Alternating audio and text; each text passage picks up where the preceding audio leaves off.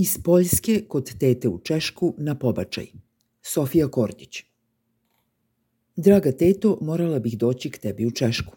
Ovo je jedan od načina na koji se Poljakinje koje bi željele napraviti pobačaj obraćaju češkoj organizaciji pod nazivom Teta Češija. Nakon što je Poljski ustavni sud proglasio neustavnim prekid trudnoće u slučaju oštećenja ploda i nakon vala demonstracija diljem zemlje, skupina od 15 aktivistica, Poljakinja koje žive u Češkoj, osnovale su ovu organizaciju u novembru 2020. kako bi pomogle djevojkama i ženama iz Poljske u legalnom pobačaju na tlu Češke republike. U Poljskoj je abortus faktički zabranjen, moguće ga je napraviti samo u slučaju incesta, silovanja ili ugroženosti života trudnice. Upravo je malformacija ploda bio jedan od najčešćih razloga za prekid trudnoće u Poljskoj. Prema podacima organizacije Amnesty International, oko 98% pobačaja od 1100 koji se legalno godišnje obave u Poljskoj izvršeno je zbog oštećenja ploda. Neslužbeni podaci govore o stotinu puta većim brojkama – Bolnice u inozemstvu, odnosno u članicama Evropske unije, ostaju jedina sigurna i legalna opcija ili žene riskiraju zatvor ako to urade u Poljskoj. Usporedbe radi, u puno manjoj Češkoj poslednjih godina obavi se oko 17.000 pobačaja, oko petine iz medicinskih razloga. Nepoznato okruženje, financijski problemi, jezična barijera otežavaju i onako mučnu i tešku situaciju trudnim Poljakinjama – Prošlogodišnje restrikcije putovanja zbog pandemije bile su dodatan problem. Njihove zemljakinje u Češkoj, tete, odlučile su im olakšati koliko mogu. Inspiracija za naziv češke organizacije dolazi od dvije ranije osnovane sa istim ciljem, berlinske i bečke. Do sada se češkoj organizaciji obratilo preko 1500 žena, ali aktivistkinje ne vode evidenciju koliko njih se odlučilo na abortus. Štiti se privatnost žena, dobrovoljci ne pitaju što ih je navelo na prekid trudnoće. Vjeruju njihovom izboru, a u slučaju oštećenja ploda i prelaska 12. tjedna trudnoće moraju za to imati potvrdu. Organizacija funkcionira kao savjetodavno telo, pomaže sa smještajem, prevozom, pratnjom do klinike, informacijama. Poljakinje najradije odlaze u češki grad Ostrava, koji im je najbliži i gdje se mogu sporazumjeti na poljskom jeziku. Mnogi se žele okoristiti nesrećom poljskih žena i skupo im naplatiti neophodne usluge. I to je jedan od razloga osnivanja Tete Češije. Ovog je ljeta organizacija pokrenula kampanju za skupljanje finansijskih sredstava za Poljakinje koje nemaju novca za obavljanje prekida trudnoće. Simbol kampanje je žičana vješalica u crvenoj boji.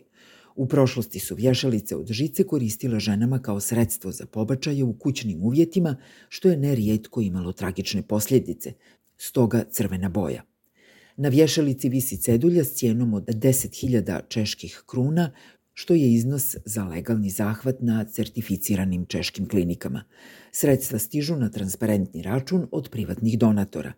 Novac se šalje direktno bolnicama ili klinikama koje obave pobačaj, nikada ženama na račun, jer bi se to moglo protumačiti u Poljskoj kao pomoć pri obavljanju pobačaja, što je nezakonito.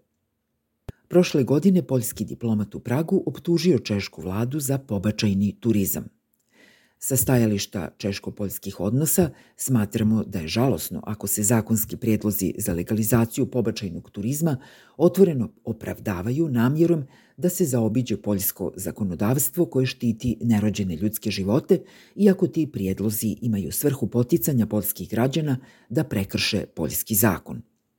Pismo je poslano u vrijeme kada je Češki parlament raspravljao o novom zakonu koji bi pojasnio uvjete pod kojima strane državljanke mogu izvršiti pobačaj u zemlji. Češka vlada je odgovorila da se Poljska ne može uplitati u unutarnje zakonodavne procese i da je pobačaj Poljakinja na češkom teritoriju u skladu s domaćim i zakonima Evropske unije, makar u Češkoj boravile samo nekoliko dana u tu svrhu. Jedina izmjena u predlogu zakona imala je za cilj osigurati češke liječnike da budu u potpunosti zakonski zaštićeni kada obavljaju zahvat.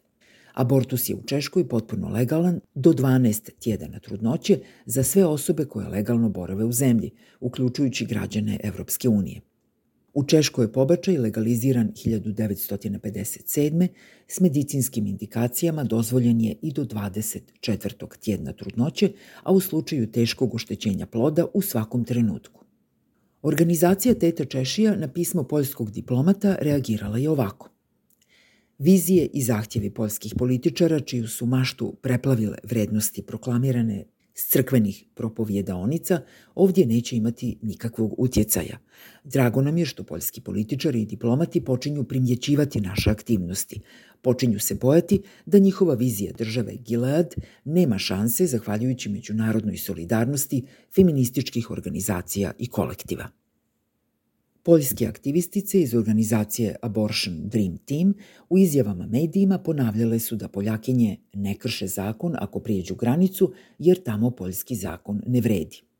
Justina Vidrežinska u izjavi za Birn kaže Kada bi neka zemlja imala zakon koji određuje da Poljakinje ne smiju napraviti pobačaj, to bi bila diskriminacija protiv njih. To jednostavno nije moguće, pogotovo što smo u Europskoj uniji. Ako ne možemo putovati u Češku, otići ćemo u Ujedinjeno kraljevstvo, otići ćemo u Nizozemsku, svejedno ćemo negdje pobaciti. Teta Češija je napravila listu pouzdanih ginekologa u Poljskoj koji ne prave probleme Poljakinjama koje su u inozemstvu obavile prekid trudnoće. Nakon određenog vremena preporučuje im se kontrola nakon zahvata, a događalo se da su im pojedini poljski lečnici osudom i moraliziranjem donijeli dodatne traume. Za razliku od Češke, u Slovačkoj trećina bolnica i klinika odbijaju obavljati legalne pobačaje na poticaj katoličke crkve i raznih ultrakonzervativnih organizacija, pozivajući se na priziv savjesti. Bez obzira na pokušaj raznih pro-life i anti-choice skupina i konzervativnost nekih članova u novoj češkoj vladi, reproduktivna prava u Češkoj teško da bi mogla doći u pitanje u bliskoj budućnosti, imajući u vidu da je za razliku od Slovačke, a posebno Poljske, Češka ateistička zemlja u kojoj su društveno-politička pitanja rijetko pod utjecajem religije. Više od 70% ljudi u Češkoj je protiv restrikcije pobačaja, a samo dva je za potpunu zabranu. I u takvu liberalno ateističku Češku, u početku krajnje marginalna organizacija pod nazivom Pokret za život, uspjela se promišljenim građanskim aktivizmom infiltrirati u društvo. Vrlo lukavim, gotovo potpuno sekulariziranim marketingom, izostankom kršćanske ideologije i dogmi, izgradili su utjecaj u društvu. Organizirali su uspješne akcije Hod za život, ne protiveći se abortusu, već i zagovarajući pomoć trudnicama koje iz raznih razloga nisu u mogućnosti roditi dijete. A onda je njihovo pravo lice u aprilu ove godine razotkrio jedan Facebook status. Tada se u Češkoj pripremala pomoć silovanim ženama u Ukrajini u vidu hitne kontracepcije, tableta Postinor za dan poslije. Na Facebook stranici Pokreta za život osvanulo je sledeće. Kako izgleda funkcionalna pomoć? Tablete za dan posle. Stvarno nas zanima kako će to sprečiti daljnja silovanja. Zašto Česi umjesto toga ne daju novce za kupnju zviždaljki, paprenog spreja i električnih paralizatora? Kada im je u diskusiji postavljeno pitanje zar je moguće da su uvjereni da će papreni sprej u ratu spasiti ženu od bande naoružanih muškaraca, netko je u ime organizacije odgovorio da bi bilo najbolje u rizičnim područjima žene naoružati pištoljima i kalašnikovima. Nakon burnih reakcija odgovor je izbrisan. Novinari su pohrlili intervjuirati glasnogovornicu Pokreta za život i zahvaljujući njenim izjavama organizacija je potpuno ogoljena. Javnost je shvatila da je u pitanju ultrakonzervativna skupina ljudi koji žele u potpunosti zabraniti pobačaj. Brojni konzervativni političari, sveučilišni profesori, liječnici, novinari i umjetnici javno su tada povukli svoju podršku Pokretu za život.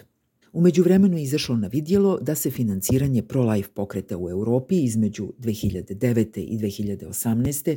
učetvorostručilo. Više od 700 miliona eura ove su organizacije dobile na svoje račune, i to 80 miliona eura iz Sjedinjenih država, a čak 180 miliona iz Rusije.